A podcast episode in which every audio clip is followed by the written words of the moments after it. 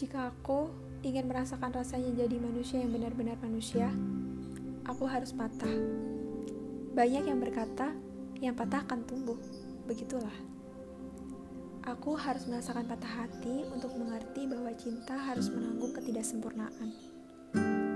Merasakan patah hati bahwa cinta tidak hanya menyangkut aku dan dia, tidak hanya menanggung sorai, melainkan lara.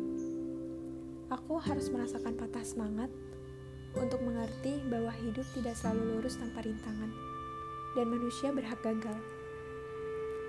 Aku harus merasakan patah harapan untuk mengerti bahwa manusia bukan tempat terbaik untuk mengantungkan sebuah harapan, dan Allah akan memapahku, insya Allah. Aku harus merasakan patah kepercayaan untuk mengerti bahwa kepercayaan ada bukan untuk dibagi, melainkan untuk diyakini. Aku harus merasakan patah, harus. Karena itu bukti bahwa aku sedang terjatuh lalu patah saat berjuang. Jika dalam prosesnya aku tidak sanggup menahan air mata, tak apa, tumpahkan. Ingatlah, aku adalah manusia. Pria dan wanita terlihat lemah itu manusiawi